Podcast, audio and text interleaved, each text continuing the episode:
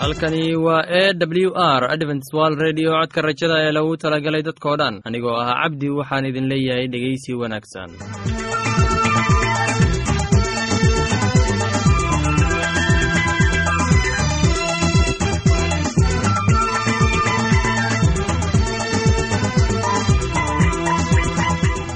barnaamijyadeena maanta waa laba qaybood. Qaybta kuwaad waxaad ku maqli doontaan barnaamijka nolosha qoyska. Kadib waxaa inoo raaci doonaa cashar inaga yimid bugga nolosha. Dhegaystayaasheenna qiimaha iyo qadarinta mudano waxaan filayaa inaad si habboon u dhegaysan doontaan. Haddaba haddii aad qabto wax su'aal ama talo iyo tusaale oo ku saabsan barnaamijyadeena maanta fadlan inala soo xiriir. Dib ayaynu kaga sheegi doonaa ciwaanka yagu balse intaynan u guuda gelin barnaamijyadeena xiisaa leh. Waxaad marka hore ku soo dhowaataan. Heestan daabacsan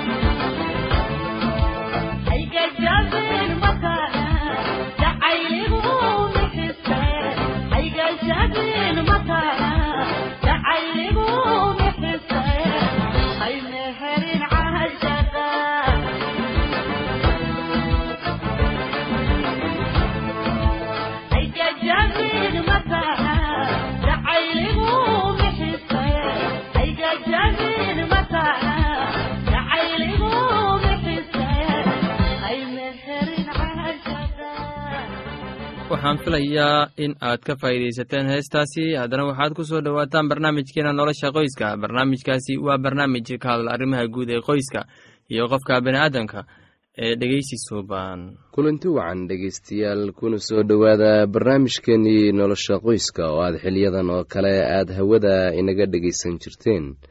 Maantana mowduuceena wuxuu ku saabsan yahay dharmayrista iyo sida loo hagaajiyo qof ayaa hadda ka hor yidhi waxyaabaha wanaagsani waxay kaaga dhow yihiin neebsashada duleedada sankaaga nuurka indhahaaga ubaxa cagahaaga waajibkaaga oo aad gacmahaaga ku gudato markaad waddada rabbiga qaad oo mar. Kadibna ha haaban xidigaha laakiin qabo waxyaabaha guud oo siday kuugu kala dhow yihiin u qabo. Howl maalmeedka iyo nolosha waxay ka tirsan yihiin nolosha ugu macaan. Gudashada howlmaalmeedka waa farxad oo ku jirta dhammaystirku xusuuso si aad u samayso waxyaabahaas waxay ka badan yihiin waxa aad samayso meelaynta habka dhardhaqista ee guriga adduunyada wax badan baa iska beddelay. Dadka qaarkiis waxay dhigtaan qolka qubayska qaar kalena makiinadda dharka dhaqda ayay dhigtaan kushiinka. Qaar kalena waxay ku mayraan dibadda guriga iyagoo isticmaalaya baaf. Meesha ay kuwo kalena aadaan webiyada iyo harooyinka ama ceelasha si ay dharkooda ugu soo mayraan. Haddaba intaasoo dhan dunida oo dhan way ku kala duwan yihiin. Qaar ayaa weli waxay isticmaalaan waxyaabihii hore ee caadooyinka ahaa ee dharka loo meyri jiray. Qaarna waxay isticmaalaan kuwo kale mashiino ah oo casriya kuwaas oo u baahan in hal mar lagu rido dharka iyo oomada iyo saabuuntaba kadibna isla ayaga ayaa loo isticmaali karaa in lagu qalajiyo. Haddaba waa maxay waxa dhammaystiridda ay u baahan tahay? Waa sidee sida ugu wanaagsan uguna qarashka fudud? Waxaad raadisaa waxa aad u baahan tahay iyo sidaad u soo saari lahayd marka aad dhar mayrayso waa maxay waxyaabaha ku xidhiirsan dharmayrista tani waxay u baahan kartaa ugu yaraan afar waxyaabood oo muhiim ah kuwaas oo kale ah kala saaridda dharka mayrista dharka qalajinta iyo feeraynta dharka. Mid kasta oo ka mid ah afartaas siyaabood ee lagaga baahan yahay waa wax muhiim u ah marka dharka la mayrayo waxaa loo baahan yahay in afartaas waxyaabood aad mar walba qalbiga ku hayso marka aad dharka aad dhaqayso. Aynu ku bilowno kala saarista. Maxaad u baahan tahay haddaba marka aad dharka kala saarayso? Natiijada ugu wanaagsan u kala saar dharka inta isku midka ah kuwaasoo laysla mayri karo tusaale ahaan dharka inta cad inta nayloonka ah dharka suufka ah dharka aan feerada u baahnayn iyo dharka kale ee aadka u culus ee isku kalarka ah. Haddaba waxaa loo baahan yahay in la kala sooco dharka. Waa in inta isku mid ah gooni loo saaro. Marka aad kala saarto fatash jeebabka oo dhan oo ka soo saar waxyaabaha ku jira haddaba waxaa loo baahan yahay in waxyaabaha jeebabka ku jira sida waraaqaha dukumentiga ah ama waxyaabaha kale in dhammaan jeebka laga saaro oo meel qalalan la dhigo. Waxaa dhacdaa mararka qaarkood in dad badani ay jeebabka ku iloobaan waraaqo muhiim u ah ayagoo had iyo goorba jeebka gashanaya waraaqaha kuna iloobaya haddaba waxaa loo baahan yahay inta aan dharka la mayrin in laga soo saaro waxyaabahaas si aan loo baabi'in.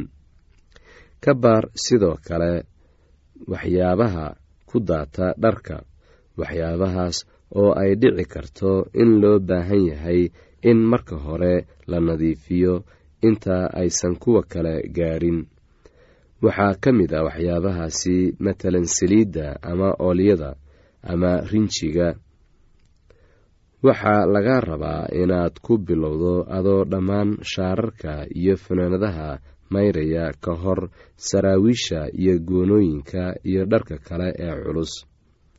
Sigsaanta waa in gooni loo mayro si aysan kuwa kale u wasaqayn. Sidoo kale waxaa gooni loo mayri karaa nigisyada oo ay tahay in si gooniya loo dhaqo haddaba waxyaabahaasi oo la yidhaahdo underwiirka waa in si gaar ah loo dhaqaa. Waxaa kale oo muhiim ah in qof walba dharka uu leeyahay gooni loo dhaqo waayo dadka isku dhidid maaha wayna kala duwan yihiin.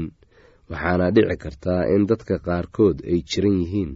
Sidaa darteed waxaa habboon in qof walba dharkiisa gooni loogu mayro go-yaasha iyo bustayaashu waa alaabada culus oo u baahan dhaqis gaar ah in la mayro maalin ka duwan maalinta dharka kale aada dhaqayso. Waxaa loo baahan yahay in go-yaasha culculus iyo bustayaashaba in marka hore biyo iyo oomo lagu radiyo oo kadibna lagu shubo daawada dhibtoolka ah ee jeermiska disha. Waa in habeenkii oo dhan ay dharkaasi biyaha ku jiraan. Kadibna waaga marka uu beriyo waa in si fiican burush loogu dhaqo oo la nadiifiyo iyadoo la raacinayo biyo fara badan. Kadibna waa in ay qoraxda muddo badan ay yaalaan. Sidoo kale waxaa la dhaqi karaa faraashyada lagu jiifto hadday yihiin isboonyo iyo kuwo kaleba waa in sidoo kale iyagana biyo lagu radiyo iyo kiimikada dhitoolka ah si jermiska looga dilo.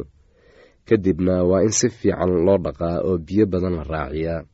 Waxayse u baahan yihiin in qiyaastii laba maalmood ilaa saddex maalmood ay qoraxda yaalaan si ay u qalalaan. Waxyaabahan oo dhan waxay ka tirsan yihiin habka dharmayrista ee aada isticmaashaan qaar ka mid ah mashiinada dharka waa kuwo ku brogaraamsan iyadoo loo eegayo saameynta dharka iyo cabirka oo kale. Qalabka dharka ee kala duwan waxay u baahan yihiin taxadir gaar ah. Habka gacan kumayrista qiyaastii waa habka guud ee caadiga ah ee dharmayrista. Haddaba haddii aad qabto wax su'aal ama tale iyo tusaale fadlan inala soo xiriir ciwaanka yagu waa codka rajada sanduuqa boosada afar laba laba todoba lix nairobi kenya. Mar labaad ciwaanka yagu waa codka rajada sanduuqa boosada afar laba laba todoba lix nairobi kenya. Imeilka yagu waa somali at a w r o r g. Mar labaad imeilka yagu waa somali at a w r o r g. Ama barta internetka ciwaanka yagu oo ah w w w dot codka rajada o r g. Mar labaad ciwaanka yagu waa w w w dot codka rajada dot o r g ama waxaad inagala soo xiriiri kartaan barta emesonka ciwaanka yagu oo ah codka rajada at hotmail com. Haddana kabawasho wacani heestanii soo socota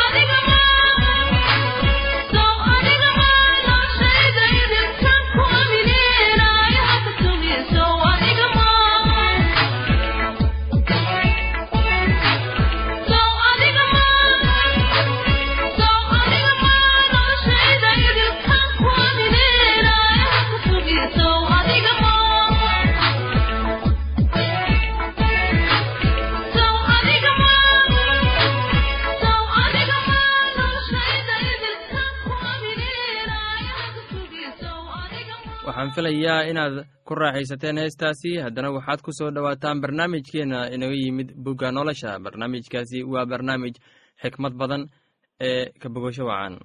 Oo malaa'igtii rabbigu waxay ku tiri iyadii bal eeg uur baad leedahay oo wiil baad dhali doontaa. Magaciisana waxaad u bixin doontaa ismaaciil. Maxaa yeelay rabbigu waa maqlay dhibaatadaadii oo dadka dhexdiisa wuxuu ku noqon doonaa sida dameer banjoog ah. Gacantiisu nin walba gees bay ka noqon doontaa oo nin walba gacantiisuna gees bay ka noqon doontaa isaga.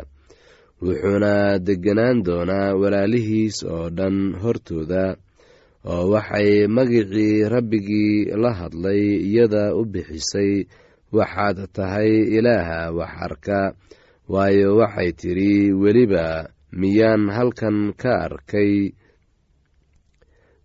Weliba miyaan halkan ka arkay kan i arka. Sidaas daraaddeed ceelkii waxaa loo bixiyey bicir laharyoor bal eeg wuxuu u dhexeeyaa kaadesh iyo bered oo xageer waxay abrahm u dhashay wiil oo abramna wuxuu wiilkaasi xageer dhashay u bixiyey ismaaciil. Abramna wuxuu jiray lix iyo siddeetan sannadood markii ay hagaar ismaaciil u dhashay abram oo markuu abram jiray sagaal iyo sagaashan sannadood ayaa rabbiga u muuqday oo wuxuu ku yidhi waxaan ahay ilaaha qaadirka ah hortayda ku soco oo mid eedla ahow oo axdigaygan kula dhigan doonaa oo aniguna aad baan ku tarmin doonaa markaasuu abram wejiga u dhacay oo ilaah baa la hadlay isagoo ku leh bal eeg axdigaygii waa kula jiraaye oo adigu qurumo badan baad aabbe u noqon doontaa magacaagana mar dambe lama odhan doono abram laakiin se magacaagu wuxuu noqon doonaa ibraahim waayo waxaan kaa dhigay qurumo badan aabbahood. Aad baanan ku badin doonaa oo qurumo baan kaa samayn doonaa. Boqorona way kaa soo bixi doonaan oo axdigayga waxaan ku adkayn doonaa dhexdaada iyo farcankaaga kaa dambeeyaba tan iyo qarniyadooda oo dhan waana axdi weligiis waara. Kaas oo ah inaan adiga ilaah kuu noqdo iyo farcankaaga kaa dambeeya. Oo waxaan ku siin doonaa adiga iyo farcankaaga kaa dambeeyaba dhulkii aad sodcaalka ku ahayd kaas oo ah dalka kancaan oo dhan inuu idiin ahaado hanti aad weligiin lahaataan. Aniguna waxaan ahaan doonaa ilaahood oo ilaah wuxuu ibraahim ku yidhi adigu waa inaad axdigayga xajisaa adiga iyo farcankaaga kaa dambeeyaba tan iyo qarniyadooda oo dhan kan waa axdigayga aad xajin doontaan oo inoo dhexeeya aniga iyo adiga iyo farcankaaga kaa dambeeyaba mid kasta oo lab oo idinku jira waa in la gudaa oo waxaad iska gudi doontaan buuryadiinna waxayna calaamo u noqon doontaa axdiga ina dhex yaal aniga iyo idinka. Kii siddeed maalmood jira oo idinku dhex jira waa in la gudaa mid kasta oo labtan iyo qarniyadiinna oo dhan. Ha ahaado kii gurigaaga ku dhashaa ama kii lacag lagaaga soo iibsado shisheeyahana oo aan farcankaaga ahayn.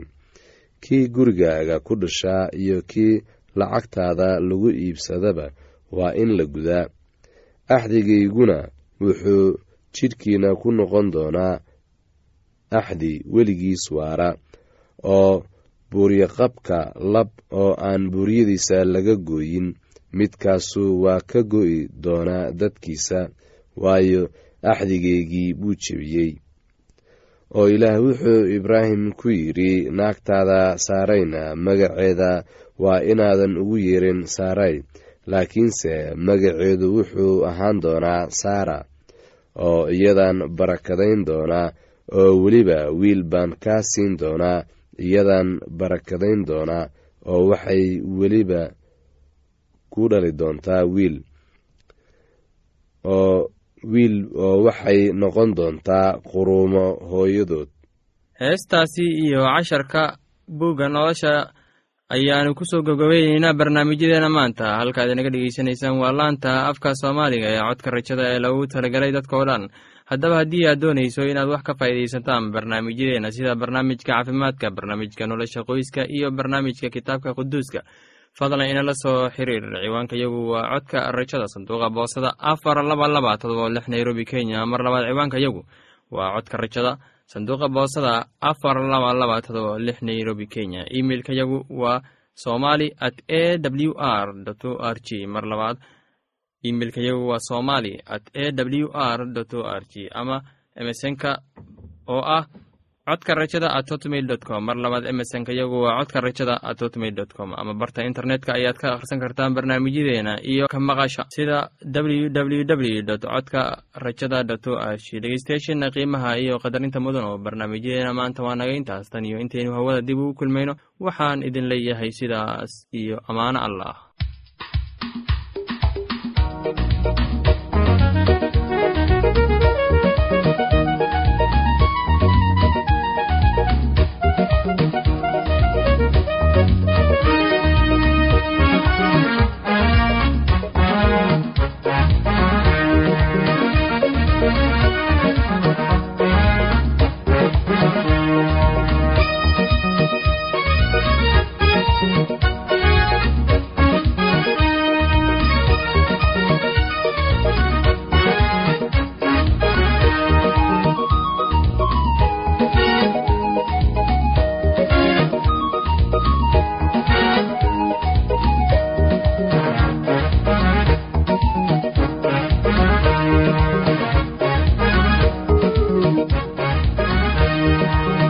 jacayl waa daqara kul handhibaha kula soo desro dareen weeye aan hadhay intaa kala durugsantiin miday naftu damacsanayd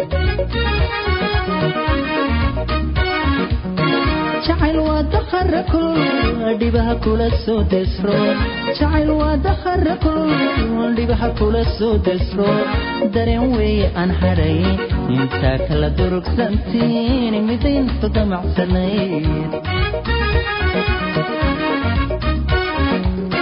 Dayre waa nacab u daran dadkuna kugu cebsadaan. Dayre waa nacab u daran dadkuna kugu cebsadaan. Ha yeeshee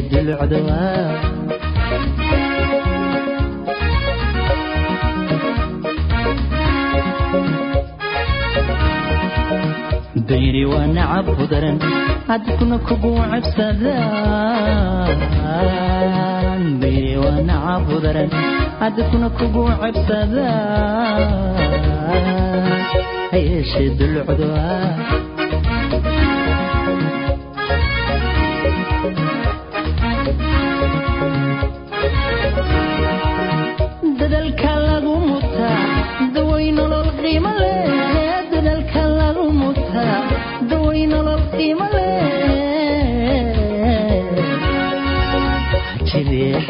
haduun